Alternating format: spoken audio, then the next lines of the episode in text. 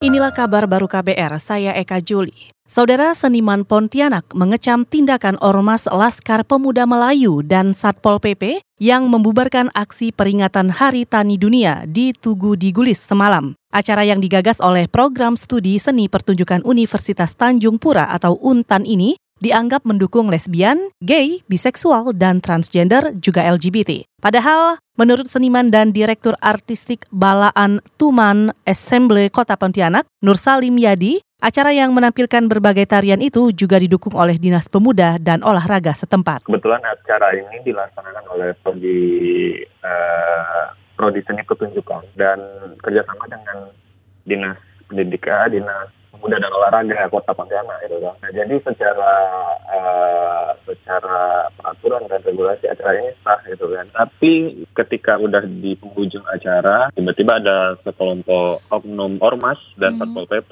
ingin membubarkan kegiatan karena uh, beberapa tarian mereka bilang. Saudara seniman Nur Salim Yadi Anugrah juga menambahkan tindakan pembubaran menggunakan kekerasan ini mencoreng nama Konti Pon Kota Pontianak sebagai kota yang toleran. Apalagi kegiatan ini dihadiri sejumlah seniman tari dari berbagai daerah. Menurut Nur Salim, ketakutan pemerintah pada LGBT sama sekali tidak beralasan. Menurutnya, pelarangan ini justru akan membatasi ruang gerak dan ekspresi pemuda di Pontianak.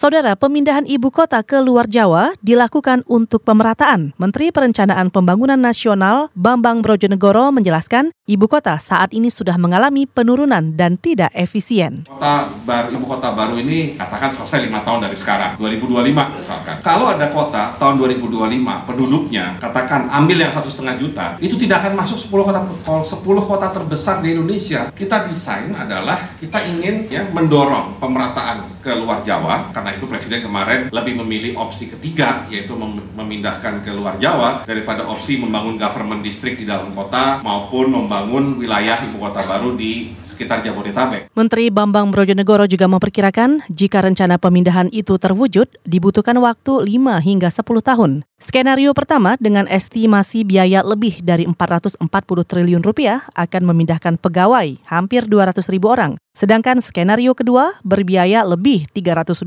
triliun rupiah dan akan memindahkan pegawai lebih 110 ribu orang.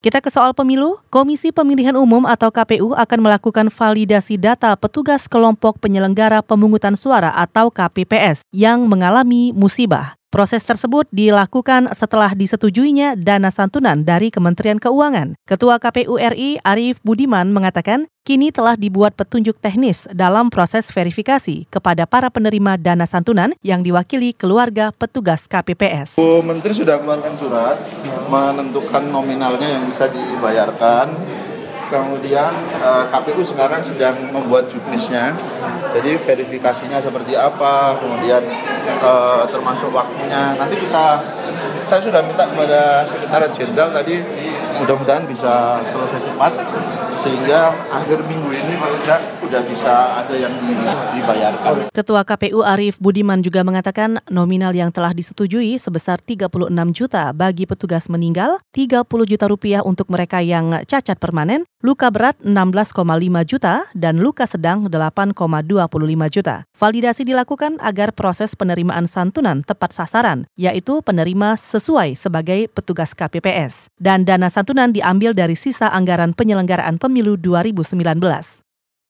Kita ke berita olahraga. Klub Italia Lazio lolos dari hukuman bertanding tanpa penonton. Ancaman itu muncul setelah pendukung mereka melakukan pelecehan rasial terhadap dua pemain tuan rumah AC Milan pada pertandingan leg kedua semifinal Coppa Italia dua minggu lalu di San Siro. Dikutip dari Reuters, Pengadilan Disiplin Liga Italia menyatakan Lazio harus menggelar satu pertandingan kandang di Stadion Olimpiade tanpa kehadiran penonton jika ada insiden berulang dalam tahun ke depan. Dan pengadilan itu mengatakan dua pemain AC Milan menjadi sasaran pelecehan rasial sepanjang pertandingan Lazio di laga tandang.